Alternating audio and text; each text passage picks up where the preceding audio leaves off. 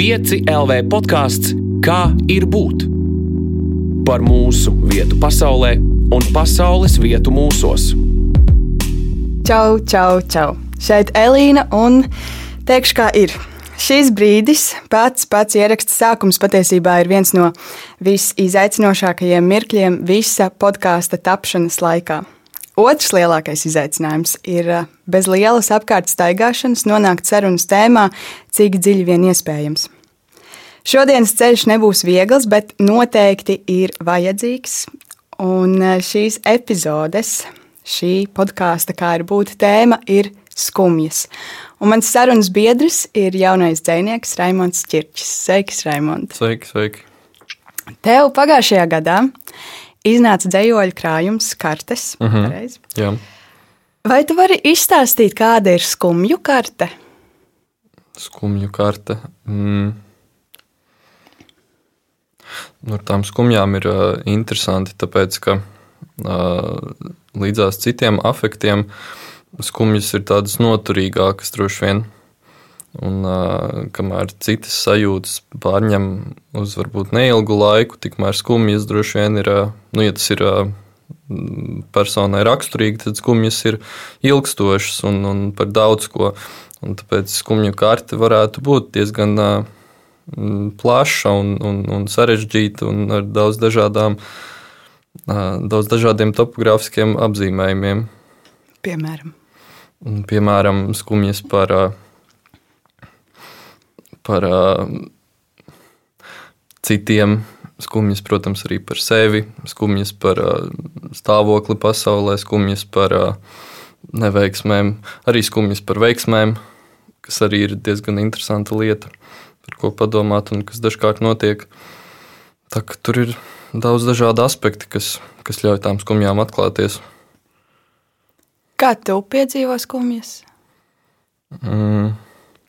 Nu jā, nu es jau droši vien vedināju to, ka, ka skumjas varētu būt mans diezgan pamata stāvoklis.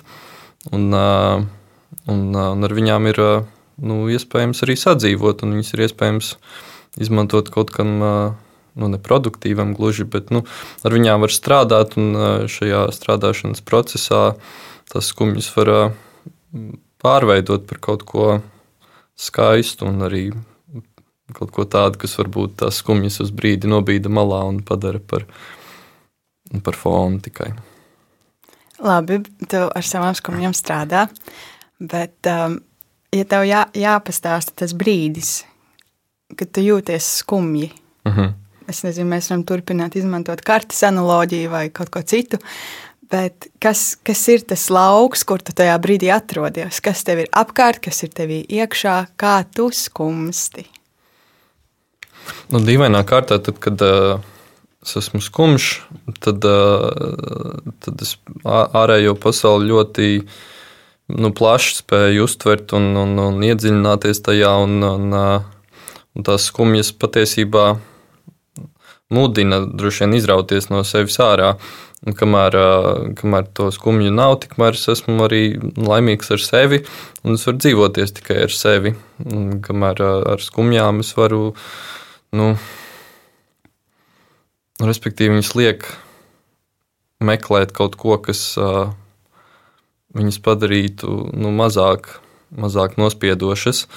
Un, ā, un, un līdz ar to tajā brīdī es esmu diezgan atvērts un, un, ā, un dažādām pieredzēm brīvs. Piemēram, Piemēram, nu, piemēram tad, kad es esmu skumjš, tad man vienmēr patīk, patīk satikt savus draugus, citus, citus jaunos dziniekus. Tad vai nu mēs tur dalāmies skumjās, vai, vai, vai tieši kaut kā izliekamies, ka tādu nav. Un, un tad visādi, visādi viens otru iepriecinām. labi. Un, ja mēs vēl nedaudz atgriežamies, kamēr mēs iezīmējam to mūsu skumju lauku, mēs atgriežamies pie tās skumju kartes. Un tagad paskatāmies tā uz tādu dzīves karti.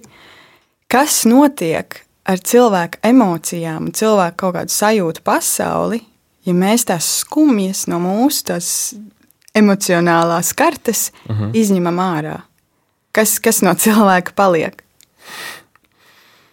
Man liekas, ka vispār skumjas ir avots empātijai, skumjas ir avots nu, padziļinātai vēlmei izprast citus. Un, ja cilvēks nepiedzīvo skumjas vai piedzīvo viņas tādas ļoti nu, sautīgas, tad, tad viņam zūd iespēja nu, padziļināt, saprast citus un, un, un kaut kādas viņu emocionālās norises un viņu viņu nezinu, stāvokļus un viņu attieksmi pret, pret sevi un pret citiem. Nu, ne, nu, droši vien arī var apgalvot to visvieglāko un klasiskāko variantu. Tur, ja nav skumjas, tad nav prieka, ja nav skumjas, tad nav visa kā pārējā. Tas ir diezgan likumsakarīgi, bet man liekas, ka skumjas ir, nu, viņas var būt tik dziļš cilvēcīgs stāvoklis, ka viņas ir tās, kas vispār padara cilvēcību iespējamu kaut kādā mērā. Tas ir interesanti, jo, protams, daudzi jā, tieši tā saka, ka bez skumjām nav prieka. Es ļoti domāju par to pirms šīs sarunas, kā tas mūsu kompas izskatītos, ka viņš sabruktu. Man liekas, ja mēs noņemtu no skumjas, tas kā noņemt vienu debesu pusi, mm -hmm. un tad tev paliek tikai kaut kāds fragments, un patiesībā mēs nogriežam veselu kaut kādu pasaules daļu no tā, ko mēs varam pieredzēt. Nu, jā, tāpat ir, ar, nu, ja, ja mums ir tās kartes klāt, tad nu, kar, kartes tas uh, ideāls ir pēc iespējas precīzāk, pēc iespējas patiesīgāk attēlot to realitāti un, uh, un uh, ar daž, dažādiem līdzekļiem un atbilstoši mērķiem. Un, un arī jā, nu, skumjas ir tās, kas palīdz nu, pēc iespējas precīzāk, ideālāk atklāt to, kāda ir gan cilvēka iekšējā, gan ārējā pasaule. Es tev piekrītu, bet tad man reizēm šķiet, ka mēs dzīvojam pasaulē, kur skumjas ir. Es nezinu, vai nērts ir īstais vārds, bet tā mhm. ir kaut kāda tāda nedaudz izstumta emocija. Respektīvi, mums ir jābūt super priecīgiem, super uh, laimīgiem, uh, un tas ir kaut kāds kā ideāls. Uh, Neviens neuzliek kā ideālu skumjas, ka, ja tu būsi skumjš, tad tu sajūtīsi pasauli un pieredzēsi tā kā nekad agrāk. Nav tāds tā kā, pārdošanas sauklis. Mēs, mēs tās skumjas izņemam ārā mm -hmm. kā sabiedrība.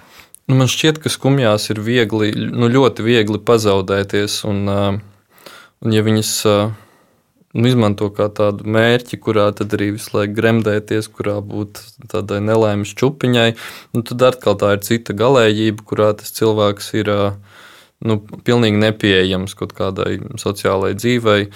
Un, un tajos brīžos varbūt arī nu, tas, no tām skumjām ir jāmēģina tikt vaļā.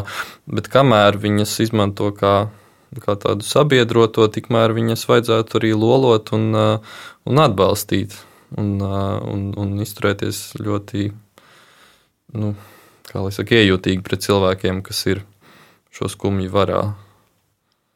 Bet tev liekas, ka sabiedrība izturas iecietīgi pret šiem cilvēkiem, kas ir skumji varā, vai tomēr mums ir kaut kāds prieka kults vairāk nekā. Na, labi, Es piekrītu, nevajag skumju kultu, droši vien, un nevajag mērķiecīgi doties, mm -hmm. varbūt skumjās.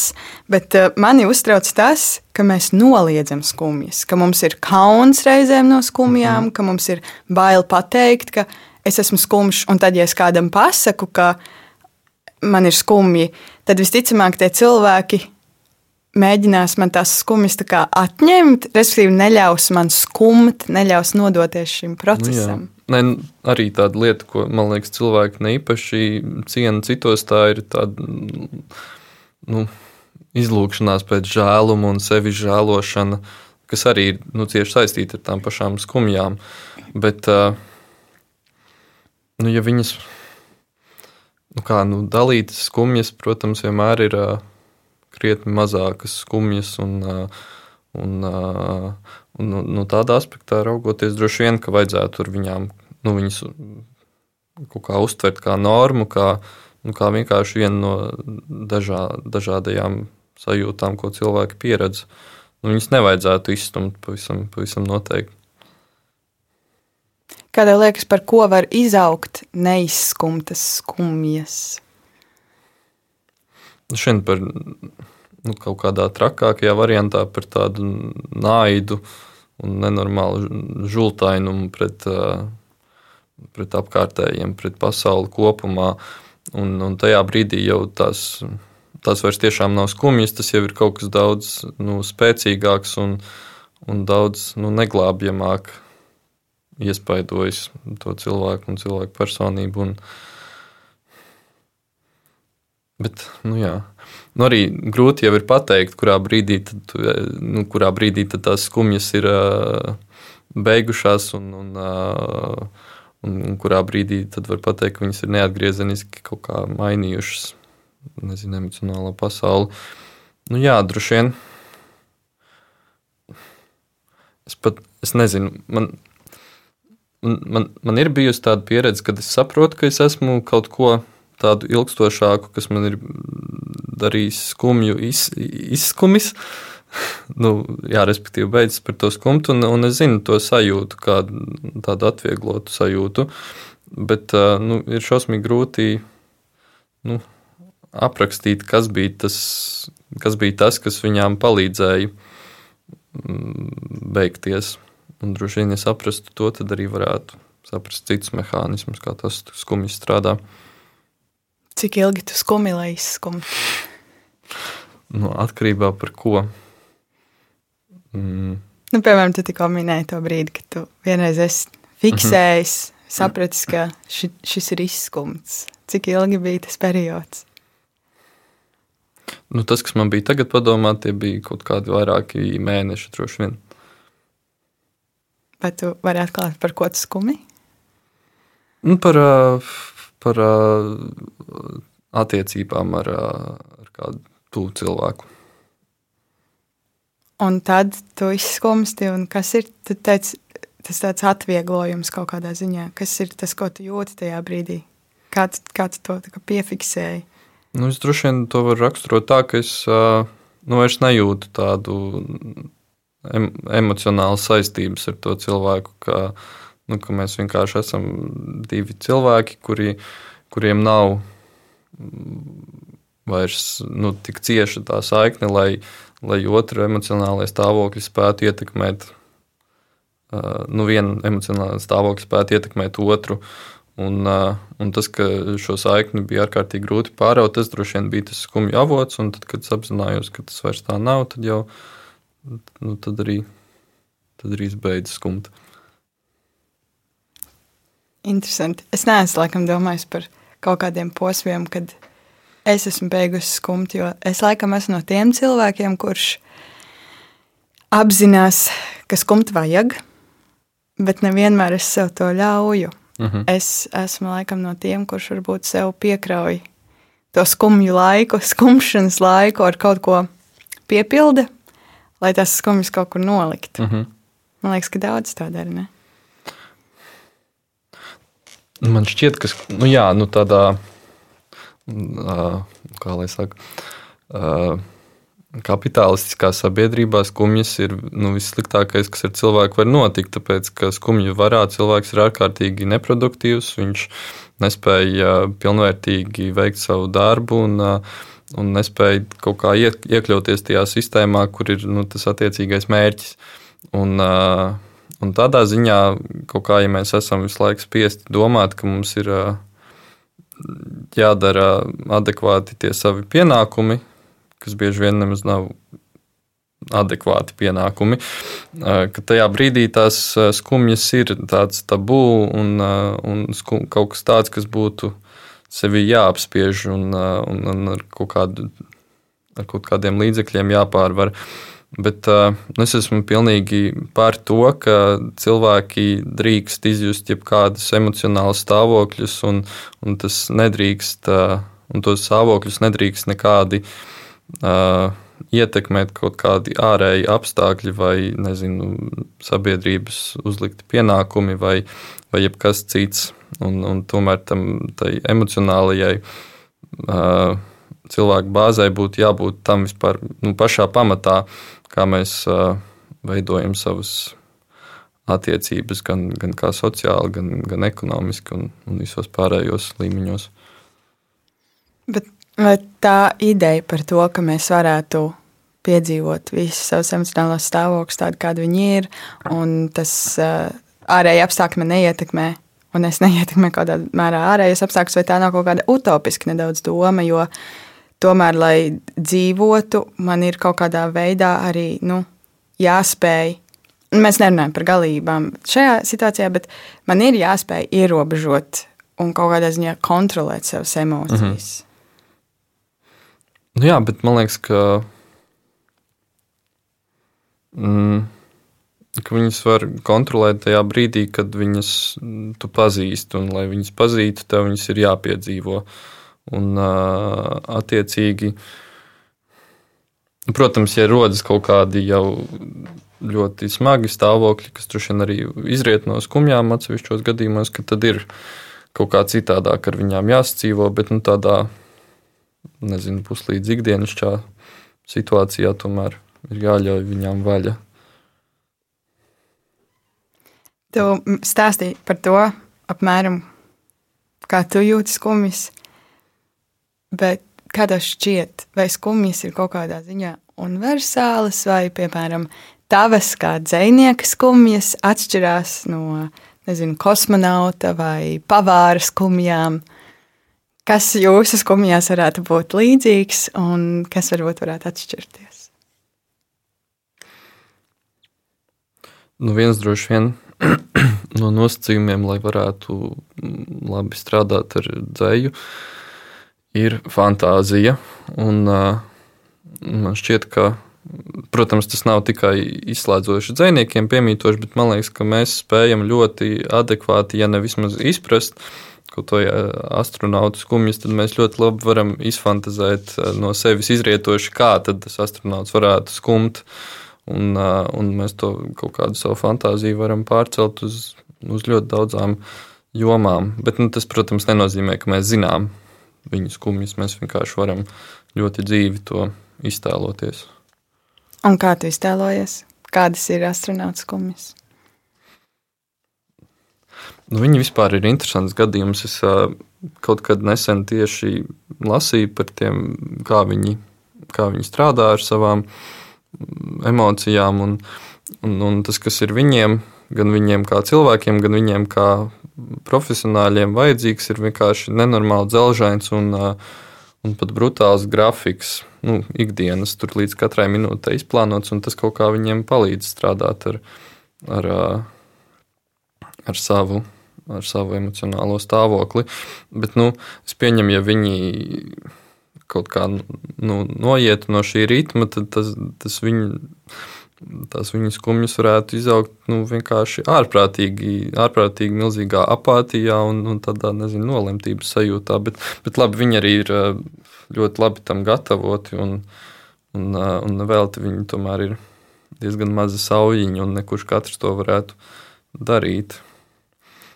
Nu, jā, bet arī. Nu, jā.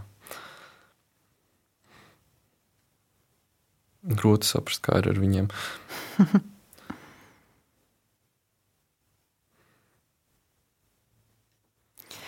um, bet viņiem ir tas ritms, un uh, ritms, nu, bieži tā tiek minēts, ka ritms ir savā ziņā nu, tas tā, tāda veselīga lieta. Ka, mm -hmm ņemot vērā, ka mums dabā ir visādi ritmi, ja mums arī ir iekšēji visādi ritmi, sirds ritmi un elpošanas ritmi, tad uh, arī kaut kā ikdienā ieviest kaut kādus ritmus ir vienkārši veselīgi. Tas mm -hmm. mūsu organismam vienkārši palīdz eksistēt un būt. Un uh, droši vien arī viņu ritmi viņiem palīdz eksistēt un būt. Bet vai tur ir, ko, kas notiek tajā brīdī, kad tajā ritmā ienāk skumjas?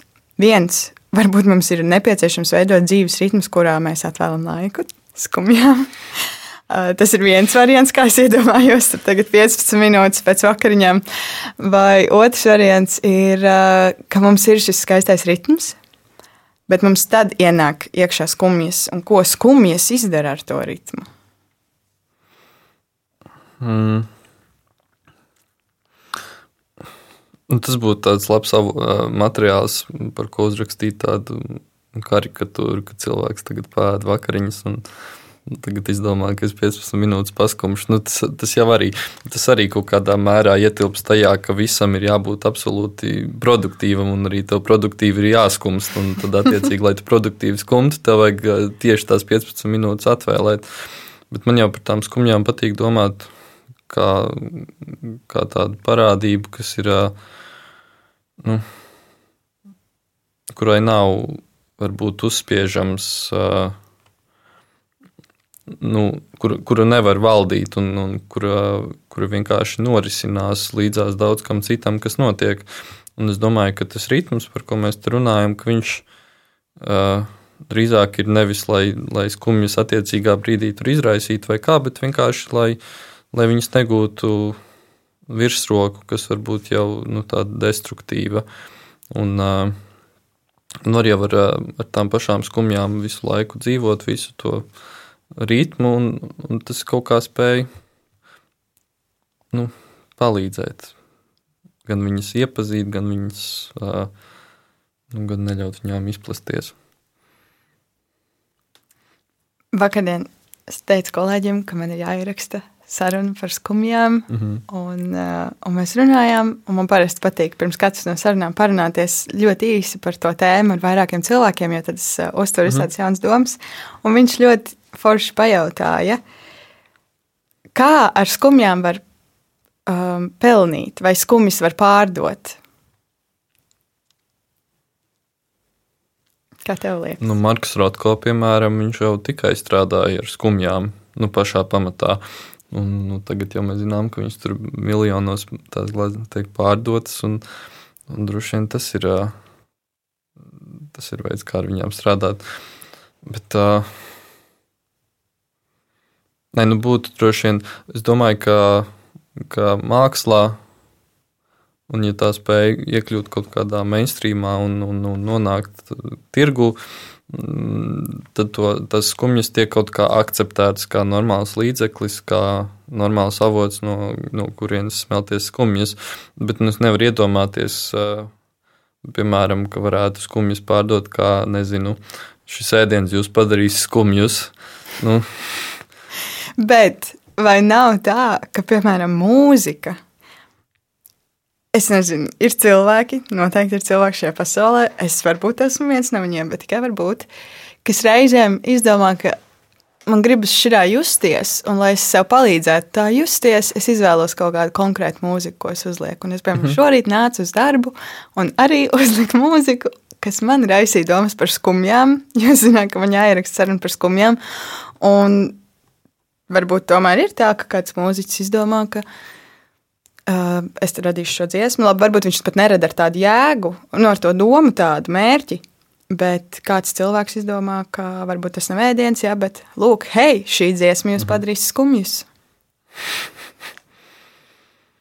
Nu jā, bet uh, man, man dara aizdomīgu māksla, plašā nozīmē māksla, kura, kura to par aprēķinu ka, ka ar šo, ar šo mākslas darbu, ar šo dziesmu, ar šo dzējoli, ar šo gleznu, nu es tagad gan parādīšu, ko nozīmē skumt.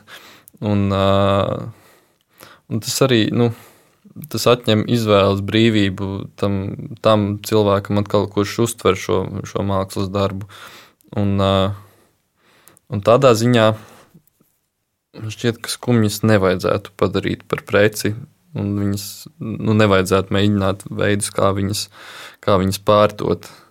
Un, bet, ja tas atkal notiek kā tāds normāls uh, nu, blakus produkts tam lielajam produktam, proti, skumjas, uh, tad, uh, nu, tad atkal tas ir jau cits stāsts. Un, bet tās nav tieši skumjas, kas tiek pārdotas. Jā, es domāju, kas tas ir, kas tiek pārdots? Nu, pārdots droši vien tiek kaut kāds kopums, kurā tad ir iespējams ļoti dažādas emocijas. Varbūt kāds lasa tavu dzēju, lai skumtu. Es ļoti šaubos. es lasīju, es neskumu tad, kad es lasīju. um, jā, atgriežoties pie, pie, pie dzēnieka skumjām. Ojārs Vācietis ir teicis, es dzēnieks taisno nekā. no kā uztaisīt skumjas.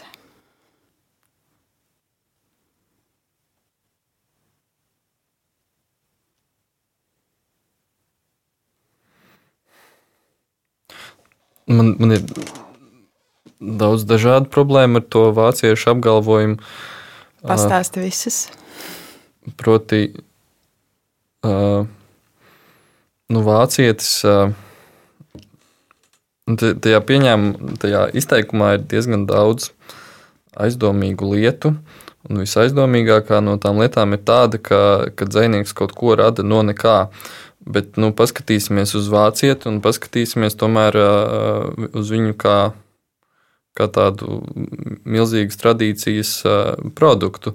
Jo es neticu, ka vācietis tagad apgalvo, ka es radu no nekā, tajā brīdī kaut kā izmet no, no, savas, no sava prāta to, ka tomēr viņš raksta jau uz.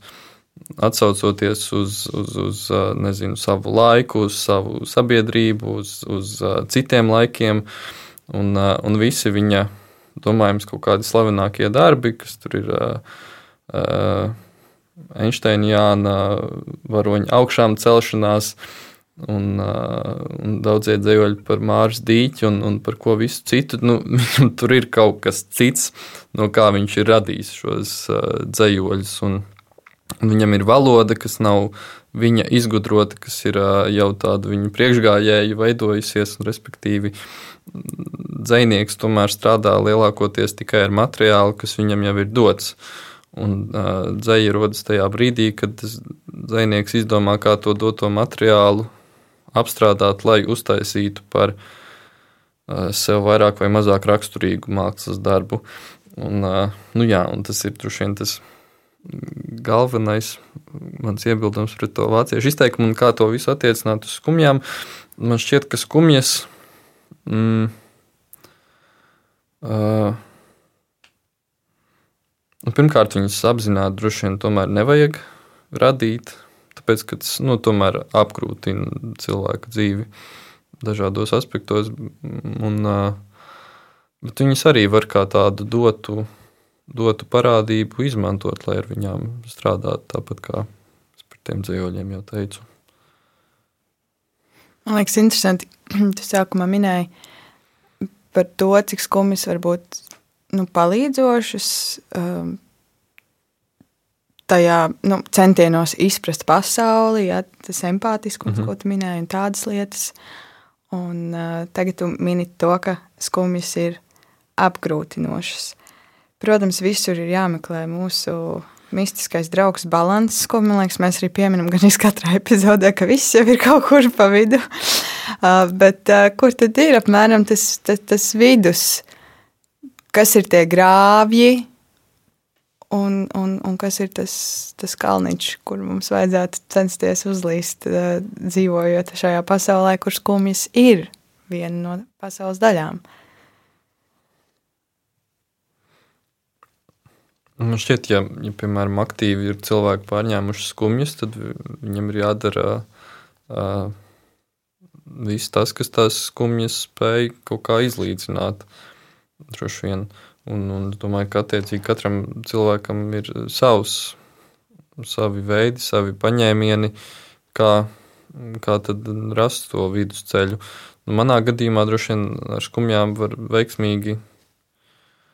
Un, droši vien tas banālākais, ko dzinieks var šobrīd pateikt, ir uh, uzrakstīt uh, dzējolīti par, par skumjām vai par tiem avotiem, kas tās skumjas ir uh, raisījuši. Bet nu, tajā pašā laikā var uh, var garšīgi pāriest, var, var paklausīties jauku mūziku, var ar kādu aprunāties un nu, kaut kā visu laiku nu, gūt ar vien jaunas un jaunas pieredzes, ar vien jaunus ceļus rast, nu, kas spēj nu, dod iespēju neiegrimt tajā vienā galējībā vai otrā, kas, kas dod kaut kādu balansu.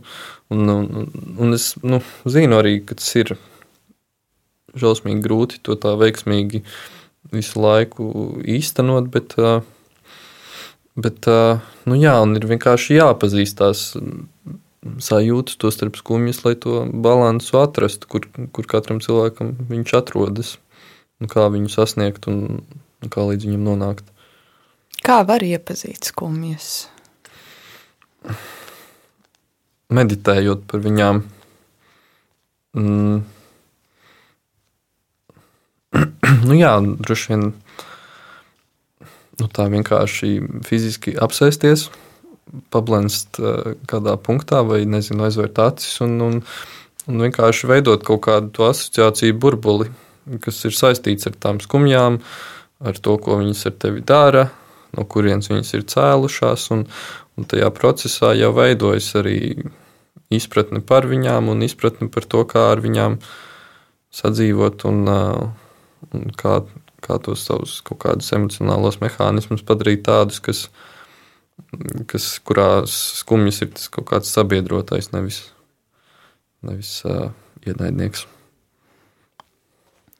Kā tev liekas, kā, kā var padarīt skumjas um, kaut kādā ziņā par normālu parādību? Respektīvi, kā varētu, ja tev būtu jāizveido tagad, piemēram, reklāmas kampaņa tam, ka mums nevajag noliegt skumjas, mums vajag viņas iepazīt. Nu, nevajag arī tur mhm. speciāli mm -hmm. viņas radīt, ja kā mēs saprotam, bet, ja tev ir jārada, kas būtu tas, ko tu, ko tu teiktu cilvēkiem, ka, nu jā, ar mērķi pateikt, ka skumt ir normāli? Nu, es droši vien veidotu kaut kādu kampaņu, kur vispār tiek stāstīts par to, kā, kā dažādi emocionāli stāvokļi ir nu, noderīgi un, un to, kā viņi nezinu, palīdz sevi labāk saprast un, un sevi labāk īst, nu, neīstenot, bet pilnveidot. Nu, jā, un, un tad, ja droši vien par tām skumjām konkrētāk, tad. Mm, Nu, galvenais, droši vien, ko es gribētu uzsvērt, ka nav, nav jābūt kaut kādiem pašpārmetumiem skumju sakarā, ka, nu, ka viņas ir. Nu, Viņas ir tāpat kā nezinu, izsalkums, tāpat kā bailes no, no kaut kā, tāpat kā mm, nezinu, satraukums. Nu, to visu var pārvērst kaut kādā veiksmīgā īpašībā, droši vien, vai sajūtā. Ne, tā kā izsaukumu var pārvērst gardā maltītē droši vien. Nu, jā. Tas, ko mēs arī varam kaut kā pārvērst. Un ko tu teiktu tiem cilvēkiem, kas sastopas ar citu skumjām? Jo tas, man liekas, arī ir tāds liels jautājums. Viens ir, kā mēs tiekam galā paši ar savām skumjām. Mm -hmm. Un, uh, un, ok, to mēs kaut kā iemācāmies. Bet uh, kā mēs tiekam galā ar citu skumjām? Jo man liekas, tur arī sāk veidoties jau bišķiņ tā, tas sociālais elements vairāk. Mm -hmm. Kā mēs dzīvojam ar to? Es domāju, ka pavisam vienkārši vajag parunāties. Nevajag tur, nezinu, intervēt to cilvēku gluži vai tur rakāties pa viņa, pa viņa sajūtām, bet nu, vienkārši parunāties, pajautāt. Tur varbūt neiegrimstot detaļās, nu, tas arī atkarīgs no tuvības cilvēkiem. Nu, nu, izturēties ar nu, pieņemošu un un, un empātiski. Un, noteikti arī apskāvieni palīdz. Respektīvi, nu, neizjust varbūt kaut kādu, un labi, nicinājums ir, ir diezgan spēcīga sajūta, bet nu, neizjust tādu pretestību pret, pret to, ka kāds skumst vai, vai neizturēties pret viņu tā, ka viņš līdz ar to ir, nezinu, mazvērtīgāks vai mazāk spējīgs kaut ko sasniegt, panākt vai īstenot. Bet ir kaut kādas situācijas, kad mums ir bail no citu cilvēku skumjām, mēs nobīstamies, kāds skumst, un vienkārši tu gribi palīdzēt, nesaproti, kā īsti, un tad gribi vienkārši aizbēgt ja nolīst kaut kur, nu, es netraucēšu, es nezinu īstos vārdus, es nezinu, ko tieši darīt. Es negribu kaut ko sačakarēt, es negribu pateikt kaut ko tādu, kas varbūt liktu skumt vēl vairāk. Mm -hmm. Un tad liekas, ka vieglāk ir likt mierā. Nu jā, nu man arī ir bijušas tādas situācijas, kad es redzu, ka, ka cilvēki varbūt ir skumji, bet tajā pašā laikā es nezinu, kaut kā intuitīvi es droši vien apjaušu, vai, vai šis ir tas gadījums, vai šis ir tas cilvēks, ar kuru es varu veiksmīgi par to parunāt. Jo, mm, Jo nu, ir arī, nu, es esmu mēģinājis runāt ar cilvēkiem, kas ir acīm redzami skumji, acīm, redzot, acīm redzami ar kaut ko nepatīkamu pārņemti, bet nu, es ļoti ātri šajā sarunā jau saprotu, ka, nu, nu, ka es nebūšu tas cilvēks, kurš tagad varēs tam otram palīdzēt. Un, un tad es kaut kā, es domāju, ka arī tāda nu, ļaušana būt, un, un arī ir viens no veidiem, kā kā otram palīdzēt, un, un tāda pārlieka neuzbāzība jau arī nu, palīdz. Un, nu, jā. Galvenais ir, manuprāt, tas vismaz kā es cenšos sarunās ar citiem, uh, būt ir. Uh, nu, es necenšos viņos par katru cenu ielīst un, un, uh, un, ar, un tuvoties viņiem ar domu, ka es tagad lūk, apskaidrošu viņus un, un varēšu viņiem pateikt, kā viņiem būt. Tas var vienkārši būt kaut kāds, nezinu, mm, nu, ne gluži zibens novedējs, bet uh, es tagad nevaru atrast alegoriju. Uh, arī ne spogulis, bet nu, nu, kaut, kā, kaut kas tāds, kas palīdz uh, viņiem izvadīt to nepatīkamo, nevajadzīgo ārā no sevis. Un, un pat man, nozīm, man, man loma tajā varbūt ir nu, pavisam niecīga, bet tomēr ir kaut kas tāds, kas tajā socializācijas procesā palīdz ar to tikt galā. Un, un arī tam otram cilvēkam varbūt apzināties, ka tā ir norma, ka viņš tā jūtas. Jā, es iedomājos arī par tādām sarunām, kur varbūt var palīdzēt cilvēkam skumt un palīdzēt viņu skumjās, nemaz nerunājot par tām pašām skumjām. Mm -hmm. Jūs varat runāt par putnu sugu dažādību, piemēram, un, un, Mierīgām. un tādā veidā varbūt uh, tas pat var palīdzēt vairāk iespējams nekā tāda tā skumju izpēta dziļa. Mm -hmm. Varbūt tajā brīdī ir tiešām vienkārši jāļauj skumt, bet neatstāt varbūt vienu tajā brīdī. Nu jā, tas arī ir variants. Kas, ja tā drīkst jautāt, tad drīkst, protams, arī neatbildēt, bet kas ir visskumjākais, kas tevi ir iedvesmojis kādreiz radīt? Tu minēji, ka tev skumjas ir šis tāds tā kā normāls stāvoklis, no kuriem viens ceļš ir uzrakstīts ceļolīti.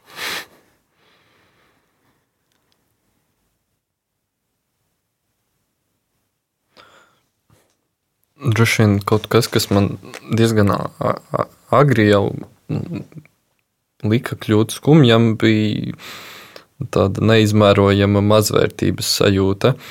Bet ne tādā, ne tādā ziņā, ka es tur nezinu, ģimenē jūtos mazvērtīgs vai, vai starp draugiem vai, vai jebkur citur, tādās sociālās attiecībās, bet nu, tādā uh, plašākā mērogā. Mm, nezinu, kaut kāda sava, sava niecības apjauta.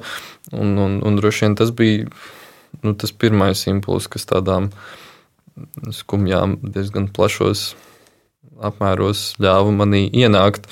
Bet,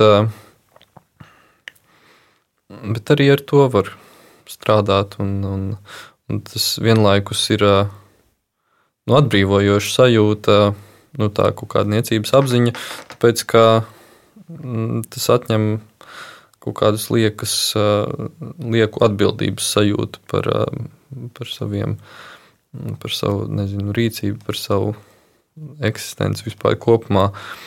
Bet nu, arī tajā pašā laikā, tur, protams, kā vienmēr, ir tas vidusceļš jāatrod un, un, un, ar, nu jā, un kaut kā pēc tā jādzīvo. Un tu esi kādreiz bijis skumjš, bet jūties priecīgs. Tas varētu, tā, tā īstenībā ir, ja man ir jāraksturo tā savu kaut kāda spēcīgākā sajūta, tad droši vien tas būtu būtu tas skumju un, un prieka, prieka sajaukums. Un, Droši vien nu, skumjas pārstāv šajā gadījumā, ja mēs par to lielo bildi runājam, to, to mazuma sajūtu, un tad atkal prieks ir tas, kurš, kurš, kurš, palīd, nu, kurš rodas no, no tās apziņas, ka tomēr es pats par sevi esmu ārkārtīgi nu, pilnīgs, un jebkurš cilvēks pats par sevi ir ārkārtīgi pilnīgs, un viss, kas notiek ar viņu, tas ir, tas ir viņa tas lielums un, un, un viņa nozīmība. Un, un tas, kā, kā viņš sevī nezinu, pats ietilpina visu pasauli. Un tad, jā, vienlaikus ir tā skumja puse, kas ir. Nu, jā, es nezinu Es nevaru teikt, vienā teikumā to rezumēt. Tā ir daudz. Bet, bet es domāju, ka, bet es domāju ka, ka to domu var, var saprast aptuveni. Vai ne? Laikam. Vis, vismaz man šķiet, ka es uztvēru, un es laikam arī esmu tas cilvēks, kurš ļaujas skumjām kaut kādā veselīgā apmērā diezgan daudz. Mm -hmm. Vismaz man pašai tas liekas veselīgs apmērs, jo man ir reizēm grūti atteikties no savām skumjām. Jo man liekas, ka, ja es atteikšos no savām, savām skumjām, tad es atteikšos no kaut kādas savas daļas. Jo man tiešām liekas, ka tās manas skumjas man palīdz būt, kā tu pašā sākumā teici, cilvēcīgākai. Mm -hmm. Un, um, es bieži saku, ka man ir um, pasaules sāpe, kas ir pārvērsts par pasaules skumjām. Es diezgan daudz skumstu vienkārši nu, par pasauli. Man tas tāds iedvesmas avots, vai es nezinu, kā to var teikt. Un tas tā varbūt muļķīgi izklausās, bet, eh, bet eh, man, man vienkārši rūp. Un, un tad es par to reizēm mēdzu skumt. Par to, kas notiek kaut kur. To arī skumsti par to, kas, eh, kas notiek pasaulē vai nu, tādā, tā lielajā, plašajā pasaulē, vai tavas skumjas vairāk ir vērstas uz kaut ko, kas notiek tavā dzīvē, kur viņas, ja mēs tā tagad atkal atgriežamies pie tās kartes, bet nu, jau tiešām ļoti tāds geogrāfisks, par ko tu skumsti šajā laikā un telpā. Gan, gan patiesībā mēs arī varam daudz par pagātni un par nākotni skumt. Uh mhm. -huh. mm. Nu, es noteikti Nu, man bija tāda ļoti fantastiska pieredze. Es biju augustā Somijā uz, uz dzejas festivālu vienu, kur mēs atklājām mūsdienu latviešu dzejas antoloģiju somu valodā. Un, un, un, un man tur ļoti dīvainā kārtā sanāca aiziet uz laikmetīgo baletu. Uh, kas nosaukums tā baleta, baleta nosaukums ir kāvu, proti, govs. Un, un tas darbs bija, man katrs bija jau pirmajā ainā. Un ainas kopumā bija 12, un, un tās katrs tur ik pa laikam atgriezās un atkal parādījās. Un, un arī es vienlaikus biju uh, nu, nenormāli, nenormāli iespaidots, un tur arī bija gan uh, gan, gan tās skumjas, gan, gan prieks klātesošs. Un, un, un, principā tas bija ļoti dīvaini, ka tas ar mani tā notika, tāpēc ka tā izrāda, vien, tas balets bija vienlaikus par, par, par ekoloģiju, par, par dzīvnieku tiesībām, par, par kaut kādām dīvainām sociālām un politiskām norisēm šobrīd pasaulē. Un, uh, Bet tas viss nebija, tas nevienā brīdī nekļuva tāds uh, uzmācīgi, didaktisks, tāds uzmācīgi. Es tev parādīšu, tagad, kā tev ir jādomā, kā tev ir jātiecas pret visu. Un, uh, nu jā, un, un kaut kas tajā, tajā mākslas faktā man ļoti, ļoti spēcīgi ietekmēja.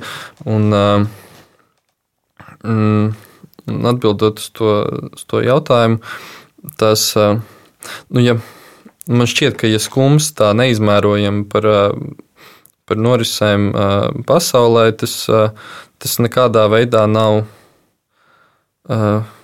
Tas var palīdzēt, bet tas nav droši vien tas gala variants, līdz kuram cilvēkam vajadzētu nonākt, domājot par, par, par to, kas noris.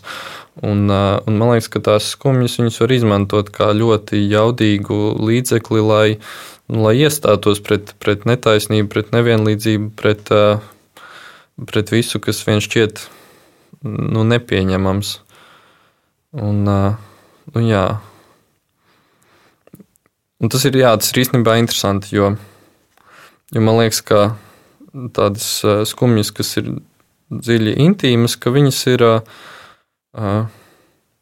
nu, ka viņām nav tik viegli kaut kur pāraugt, viņām nav tik viegli transformēties, un viņas ir tādas nu, tāda tā, tā kā peldoša viela, kas visu laiku noris. Kamēr tās uz āru vērstās par ārējām norisēm skumjas, ka viņām ir nu, viegli pāraugt tur, nezinu, tādās pozitīvās dusmās, tādā, nu, citos afektos, kas atkal parī, palīdz veikt tādu ļoti mērķiecīgu rīcību un, un palīdz veidot viedokli, kurš, kurš ir aktīvi paužams. Un, nu, jā, un, un tā viņas tur dažādi tas skumjas var manifestēties tālāk. Bet tā arī nepateici, par ko tu vairāk skumsti, kur, kur ir, uz ko ir vērstas tavas skumjas gan tajā telpā, jā, gan tajā laikā. Nu, nu jā, nu to baletu es pieminēju, tāpēc, ka nu, tad, nu, es, nu, cik nu manos spēkos ir, es diezgan uh, cenšos iedziļināties dažādos uh, dzīvnieku tiesību jautājumos, bet nu, es galīgi neesmu zinošs par to kaut kā jēdzīgi izteikties. Un, uh, nu, jā, un, un tas balets manī vēl vairāk pastiprināja par to, par to domāt un, uh, un, uh, un par kaut kādu mm, nezinu, netaisnību, kas, uh, kas ir raksturīga mūsdienās cilvēkiem attiecībā pret pret ne tikai pret dzīvniekiem, bet vispār pret, pret dabu, pret, pret apkārtējo vidi, kuru mēs apdzīvojam. Un, un, un droši vien tas mans skumju avots šajā gadījumā ir tas, ka nu, cilvēks ir. Un droši vien, ka es arī diezgan lielā mērā esmu iztēlojies, ka cilvēks tas ir kaut kas nošķirts no dabas, ka, ka lūk, mums ir civilizācija, mums ir saprāts, mums ir, mums ir iespēja izmantot resursus, mums ir iespēja viņus pakļaut, mums ir iespēja viņus ar viņiem dažādi manipulēt. Kamēr tajā pašā laikā tā visa sistēma jau ir nu, savstarpēji saistīta, un cilvēks vienkārši ir ārkārtīgi mazs posms tikai tajā visā. Un, nu, jā, un tas skumjas ir par to, ka, ka tas visu laiku tā turpina veidoties, un, un, un, un ka kaut kas mums, un arī noteikti visam man, nu, nu, trūkst kaut kā tā viena posma šajā visā domas ķēdītē, kur mēs tomēr iekļaujam sevi visā tajā kopumā un neizceļam ārpus tā. Bet ne, man arī ir skumjas par uh, dažādām politiskām norisēm, bet par tām gan es laikam negribu runāt. Labi. Bet uh, par to laiku tu vairāk skumsti par pagātni, par nākotni vai nu, par tagadni. Tagad ir tāds ļoti tīvens jēdziens, Tas ir, tāds, tas ir kaut kāds mirklīgs un gaistošs, bet, ja tev būtu jāieliek laikā savas skumjas. Par nākotni pavisam noteikti ne. Par nākotni es esmu drīzāk bažīgs. Man liekas, ka skumjas ir arī grūti vērst uz kaut ko tādu, kas vēl nav pieredzēts. Skumjām vajag to kaut kādu pieredzi savot, un līdz ar to droši vien tas ir nu, diezgan cieši saistīts ar, ar, ar pagātni. Un, Nu, droši vien arī ar tagadni, bet tur grūtāk saprast, kā to, kā to saikni veidot. Un kā tev šķiet, kas saskumst pirmais? Mūsu prāts vai sirds? Jo to arī daudz mini par, piemēram, tagad par dzīvnieku aizsardzību vai kaut kādām tādām problēmām. Tas ir arī diezgan tāds, nu, intelektuāls uzdevums aptvert šo problēmu. Tad, vai tur ir Vai tas ir tas brīdis, kad saskumst pirmais prāts?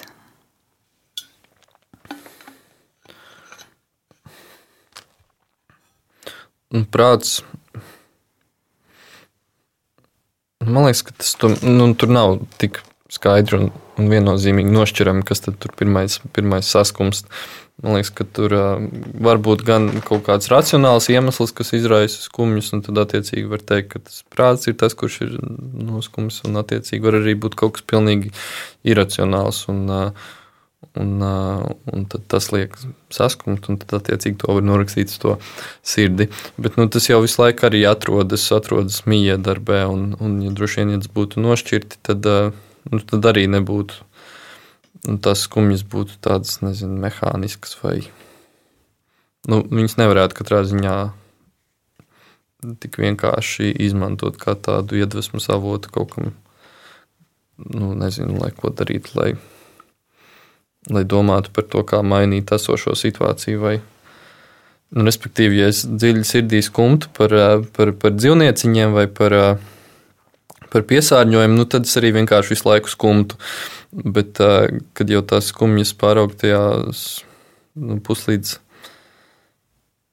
racionālajās skumjās, bet tas apgalvojums izklausās dīvains, tad, nu, tad jau man aktivizējas kaut kādi mehānismi, kas ļauj jau aktīvi domāt par to, kā, kā šo netaisnīgo sistēmu mainīt vai vismaz mēģināt mainīt. Man tā vien izklausās, ka skumjas mums visus padarīs par labākiem cilvēkiem un izglābs pasauli. Nu, es, nu, jā, Nu, ne tikai skumjas, droši vien daudz citi arī afekti, bet skumjām tur ir jābūt klātesošām. Un, kā ir ar šo gadu? Vai šīs gads ir kaut kā mainījis to tavu skumju apjomu tavā ikdienā?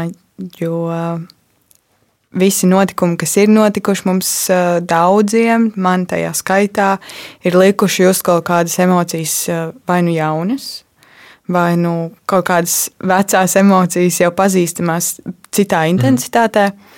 Kā tev, kā tev šogad iet, kā tu šogad jūties, un, un, un kā ir ar skumjām šogad?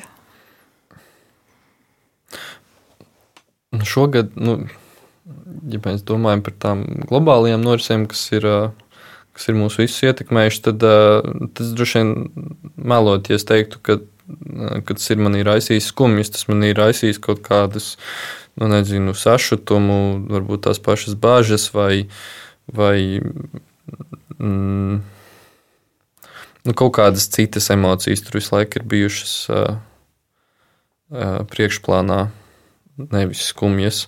Bet tās skumjas ir nu, izrietējušas šogad no, no nu, kaut kādiem citiem pārdzīvojumiem, pārdzīvojumiem, kas droši vien nav bijuši atkarīgi tiešā mērā no, no, no tā kopā pasaulē notiekošā. Bet kā tev šķiet, vai skumjas, ņemot vērā to, kas notiek šobrīd, minēšu tikai pāris piemērus, vēl joprojām pandēmija notiek pilnā sparā visā pasaulē, un, un nezinu, klimata pārmaiņas un citas lietas. Vai tavuprāt, skumjas var palīdzēt mums kā cilvēkiem šīs lietas risināt? Jo, kā saka, tu neizjūti skumjas, piemēram, par, labi, par klimatu pārmaiņām, teikt citādi, bet, piemēram, par pandēmiju, ja tās ir vairāk bažas, tad varbūt skumjas, es skaļi šobrīd domāju, bet varbūt skumjas nav tās, kas tur palīdz, vai tomēr ir tās, kas palīdz.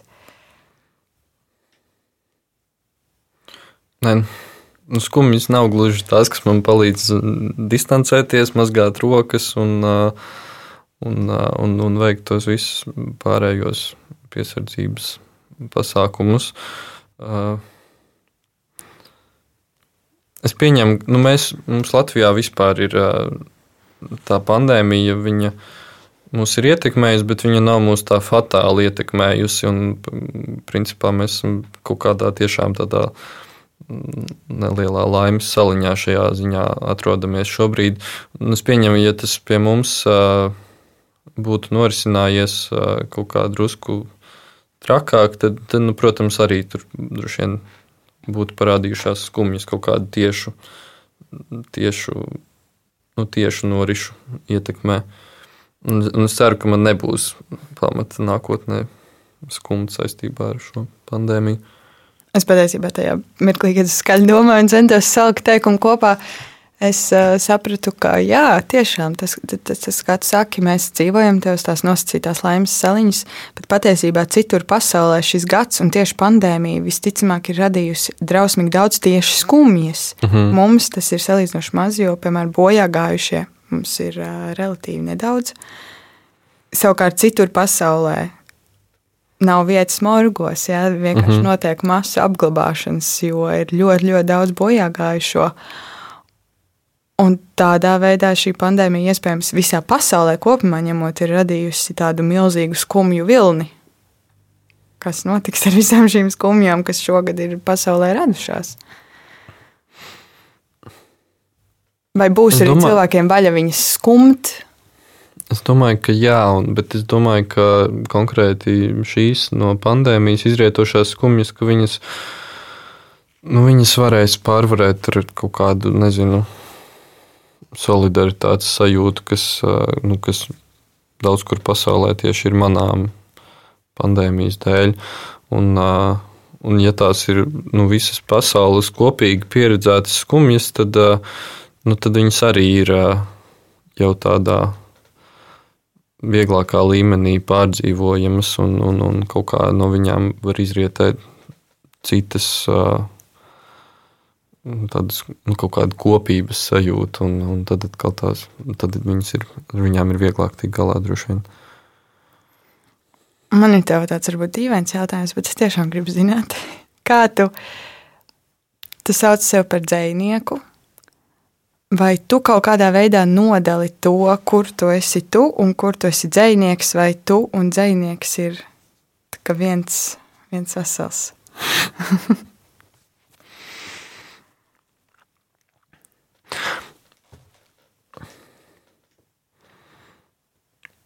Es domāju, ka es esmu plus mīnus viens vesels. Bet, bet tas ve- veselums ir ārkārtīgi mainīgs un, un, un daudzšķaitņā. Daudz, nekad nevaru to izrunāt. Daudzšķaitņājiņš. Un, un attiecīgi pēc tā kaut kāda savu emocionālā stāvokļa vai pēc savas, vai nu, arī pēc pienākumiem, kas tajā brīdī ir svarīgāki, nu es, es mainos, un tad vienā brīdī es esmu vairāk tas, un vienā brīdī vairāk tas, un vienā brīdī vairāk tas. Bet, bet, bet nu, es domāju, ka tā, tā būšana par dzinieku ir kaut kāda man spēcīgākā identitātes sajūta. Es to jautāju, tāpēc, ka man interesē, vai, piemēram, tu kā, kā Raimons un tu kā dzinieks Raimons, vai tie divi cilvēki skumjas kaut kādā veidā pieredz atšķirīgi, vai arī Es domāju, ka nē, es domāju, ka tas ir cieši saistīts. Es, nu, es mēdzu atšķirīgi izjust skumjas kā, kā pilsonis, kā, kā, kā sociāli būtne un atsevišķi kā dzinieks, bet, eh, bet es domāju, ka tas mans kaut kāds personības kodols ir cieši tuvākā saiknē ar to dzinieku, nevis ar, ar pilsoni. Un, un līdz ar to tur tās attiecības ir jā, kā jau es teicu, ar to dzinieku es esmu tāds nedalītāks, kamēr ar pārējām savām identitātēm jau tas ir drusku tālāk. Un kā tev liekas, ja tu neskumtu, nu, tu teici, ka tev skumjas ir tāds normāls stāvoklis savā ziņā, kaut kādā mērā. Vai tas, ka tev ir šāds stāvoklis, tevi ir padarījis par dzinieku, vai tas, ka tu esi dzinieks, ir tev radījis šādu pamatstāvokli? Es pieņemu, ka, ka tas, ka skumjas varētu būt viens no tiem galvenajiem iemesliem, kāpēc tai, tai dzējai es tur pievērsos. Bet, bet katrā ziņā tas nav vienīgais, no kā, kā dzēja barojas. Nu, nekādā mērā. Viņi var parādīties, nu, skumjas var parādīties ik pa laikam, bet, bet tikai no skumjām veidot mākslu, tas arī jau ir nu, ļoti bīstami gan, gan, gan mākslē, gan cilvēkam. Un, un es arī cenšos, nu, nu, arī diezgan mērķiecīgi to praktizēju, ka es tomēr cenšos būt daudzveidīgāks dzējā nekā tikai tāds kaut kāds skumjš un, kāds nu vēl ne. Tas ir tas stereotips, man liekas, reizēm par skumjo mākslinieku kaut kādu.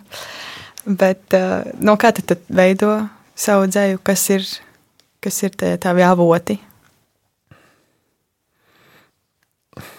Tā kā tika pieminēts tas vācietis, tad es droši vien varu teikt, ka pretēji vācietim, vismaz šajā konkrētajā dzējolī, kas tika piesaukts, nu es, tas mans galvenais avots noteikti ir, ir jau viss tas, kas ir radīts. Un, un, un man ir svarīgi tajā jau radītajā atrast tās jaunās, dažādās iespējamās metodes, kā, kā to padarīt par savu un kā to to, kas ir padarīts par savu, kā viņu padarīt jau interesantu un jaunu. Nu, ne obligāti jaunu, bet kaut kādu citādu, citiem, proti, lasītājiem. Un, un tad nu, es mērķiecīgi arī strādāju gan ar, gan ar tekstiem, gan ar sajūtām, gan ar savu izpratni par dažādām norisēm, un, un to arī iestrādāju dzējoļos. Nu, jā, man arī ir ļoti svarīga valoda, vairāk gan nu, nu jā, konkrēti tieši rakstu valoda un, un dažādas iespējamās manipulācijas ar to. Tad tu, jā, tu, man liekas, arī tas ir atdzīvotājs, vai ne? Nu, esmu šo to atdzīvojis, jā. Jā, un man tagad ir bail, ka es neatcerēšos, kas bija tas. Tu studēji kultūras akadēmijā, uh Mhm. -huh. kultūras akadēmijā. Un ko nu tu tur biji atdzīvojis? Tomas Stērnu Eliotu. Jā, tur bija nīkā zeme vai ne? Uh -huh. Un kaut kas tāds, kā, kā ir strādāt ar šādiem tekstiem un, un atzījot viņus tos, kur ir ļoti daudz emocijas iekšā. Ilgstoši strādāt, piemēram, pie nīkās zemes. Nu, Nīkā zeme vispār varētu būt viens no, nu, lai ierobežot laikā, tad kopš, kopš 20. gadsimta sākuma tas varētu būt viens no skumjākajiem dzējoļiem, vai, vai tas dzējolis, kurā skumjas ir uh, nu, mākslinieciski ļoti augstvērtīgā veidā izmantotas par materiālu. Un, uh, uh, bet arī nu, atzēja tomēr ir, uh, lai arī tas ir diezgan radošs darbs, Tur ir tomēr tehniskas lietas, kas ierobežo ar to visu strādājot. Un, un, protams, man ir svarīgi apjaust arī kaut kādus tos emocionālos strāvojumus, kas konkrētajā atzīmējumā dzējolī noris. Bet tikpat labi man tomēr ir arī jārūpējas par nu, citām tehniskām lietām, par, par valodu, par, par atskaņām, par pantmēru. Par, uh, Nīkajā, Nīkā zemes gadījumā par daudziem kultūra citātiem. Tas darbs jau ir nu, kļūst tāds dalīts starp, starp to radošo pusi, kuras pats arī kaut kā darbojos ar emocijām, un, un tad atkal tā otra puse, kas ir, kas ir vienkārši tāds, nezinu, nu, ne gluži bezpersonisks darbs, bet tāds, nu, nu vairāk, nu, teiksim, vienkārši intelektuāls, kur, kur tām emocijām varbūt nav tik daudz vietas. Ir viens jautājums, kas man radās jau kaut kad, man liekas, sarunas vidū. Tu minēji, ka par, dalī, par bēdu dalīšanu, ka mēs sadalām bēdas, un es tev iedodu pusīti, un man palika tikai pusīte. Bet uh, kāds cits autors, mēs sākām par vairākiem dzēniekiem runāt. Uh, ja es pareizi atceros, tad Ziedonis ir teicis, ka dalīta bēda nav pusbēda. Ko tu teiktu Ziedonim? Ziedonis vispār manipulē ar emocijām. Un, un es,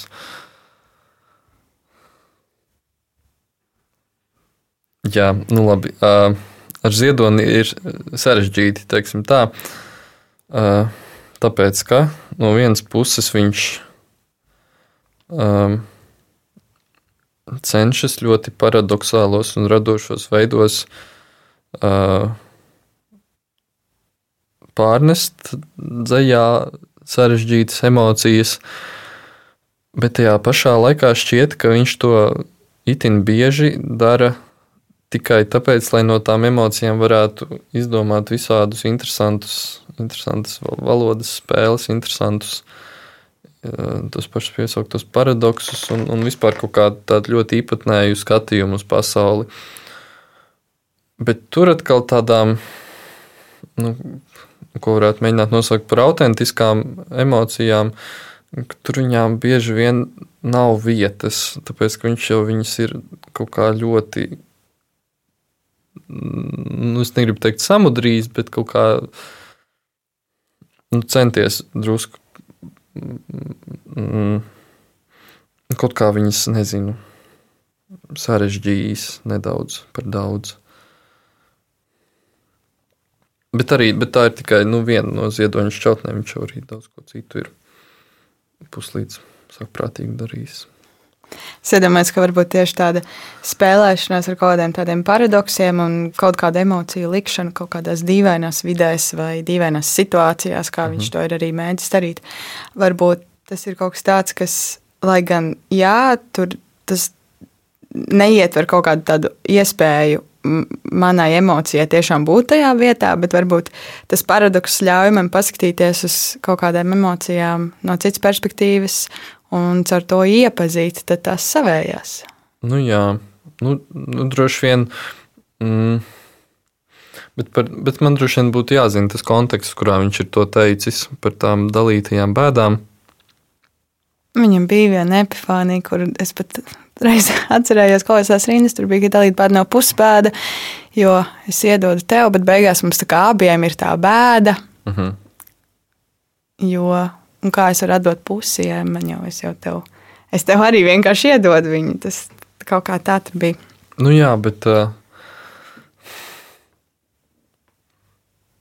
Laikam ziedonim ir svarīgi, ka katrs cilvēks ir emocionāli, ārprātīgi inteliģents un pašpietiekams. Un, uh, un, un ka citiem cilvēkiem nav daļas starp, starp otru cilvēku emocionālo pasauli. Bet arī viņam ir. Nu, es domāju, ka to, to viņa, nu, ja es pareizi spriežu, tad to viņa izpratni ir ietekmējis vienkārši cits laikmets. Un, un attiecīgi tas, kas viņam tajā brīdī šķita svarīgi, tas man jau mūsdienās var šķist kaut kas nu, tāda vienaldzība vai pat uh, uh, tāda pārāk liela atsvešinātība, kas arī viņam nav gluži tāpat, uh, nu, kas nav tas, ko viņš augstu vērtē. Nu, es katrā gadījumā ceru, ka arī tā mūsu saruna, mūsu skumju kartes izpēte būs tā, kas arī tiem, kas klausīsies, uh, liks vairāk pieņemt tās skumjas, un, ja nevienmēr dalīties, jo mums nav vienmēr jādalās savās skumjās, tad, eh, tad vismaz nebaidīties no tām, ne, necensties viņus eh, kaut kādā veidā stigmatizēt vai kaunēties mhm. no viņām, bet uh, ļaut viņām būt, saprast, ka, kā tu teici, skumja ir, skumjas ir vienkārši viena no emocijām, ko mēs jūtam, viena no sajūtām, tāpat kā izsalkums un vispārējais. Un ka, uh, katrs cilvēks varētu to saprast un pieņemt un, um, un nebaidīties, saprast, ka skumjas ir ok, skumjas var būt, skumjas ir beigu beigās, un mums nav jēgas uh, viņas noliegt. Paldies, tev, Raivant, par sarunu. Es ceru, ka arī tu turpināsi just gan skumjas, gan prieku tajā pašā laikā, kā tu, kā mhm. tu minēji. Es ceru, ka kā arī es un arī citi klausītāji. Paldies! Tev. Paldies! Un paldies, tev, ka klausies, un mēs tiksimies jau droši vien drīz nākamajā epizodē. Atā!